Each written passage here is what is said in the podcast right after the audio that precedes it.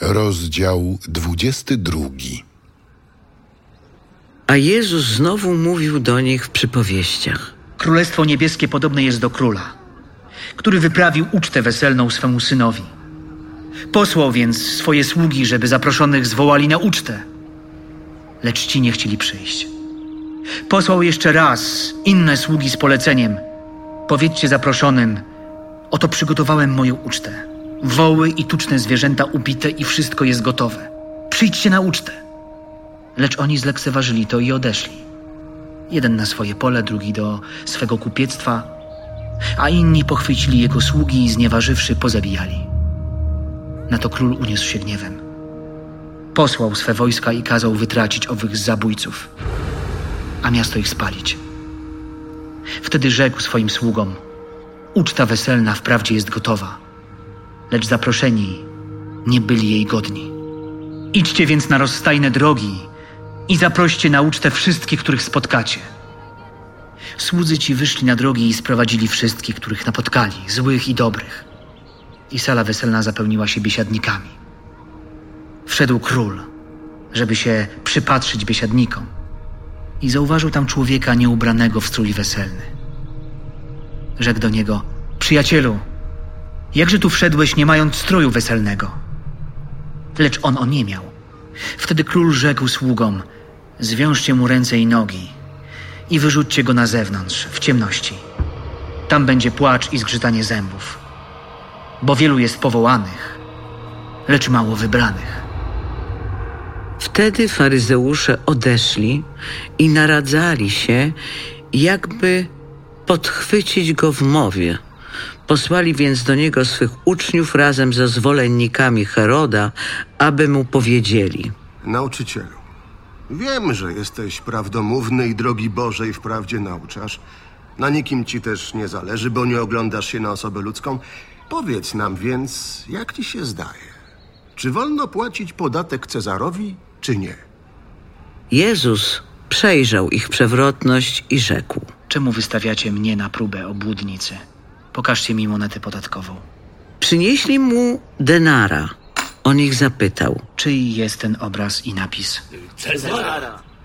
Oddajcie więc Cezarowi to, co należy do Cezara, a Bogu to, co należy do Boga. Gdy to usłyszeli, zmieszali się i zostawiwszy go, odeszli.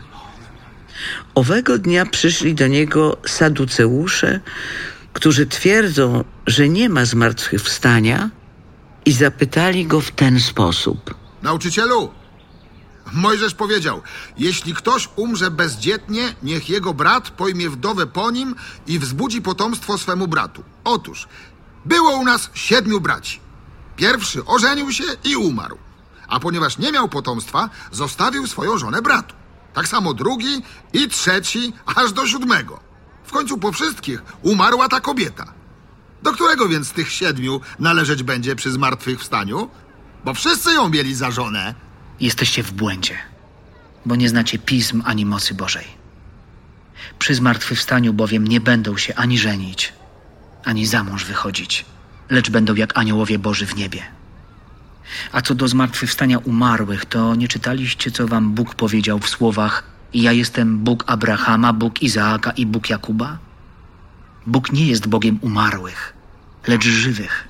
A tłumy, słysząc to, zdumiewały się nad jego nauką. Gdy faryzeusze posłyszeli, że zamknął usta saduceuszom, zebrali się razem, a jeden z nich, uczony w prawie, wystawiając go na próbę, zapytał. Nauczycielu, które przykazanie w prawie jest największe? Będziesz miłował Pana Boga swego całym swoim sercem, całą swoją duszą i całym swoim umysłem. To jest największe i pierwsze przykazanie. Drugie podobne jest do niego. Będziesz miłował swego bliźniego jak siebie samego. Na tych dwóch przykazaniach zawisło całe prawo i prorocy. Gdy zebrali się faryzeusze, Jezus zadał im takie pytanie. Co sądzicie o Mesjaszu? Czyim jest synem? Dawida. Jakże więc Dawid, natchniony przez ducha, może nazwać go Panem, gdy mówi: Rzekł Pan do Pana mego, siądź po prawicy mojej, aż położę Twoich nieprzyjaciół pod stopy Twoje. Jeśli więc Dawid nazywa go Panem, to jak może być on tylko jego synem? I żaden z nich nie mógł mu odpowiedzieć. Nikt też od owego dnia nie odważył się więcej go pytać.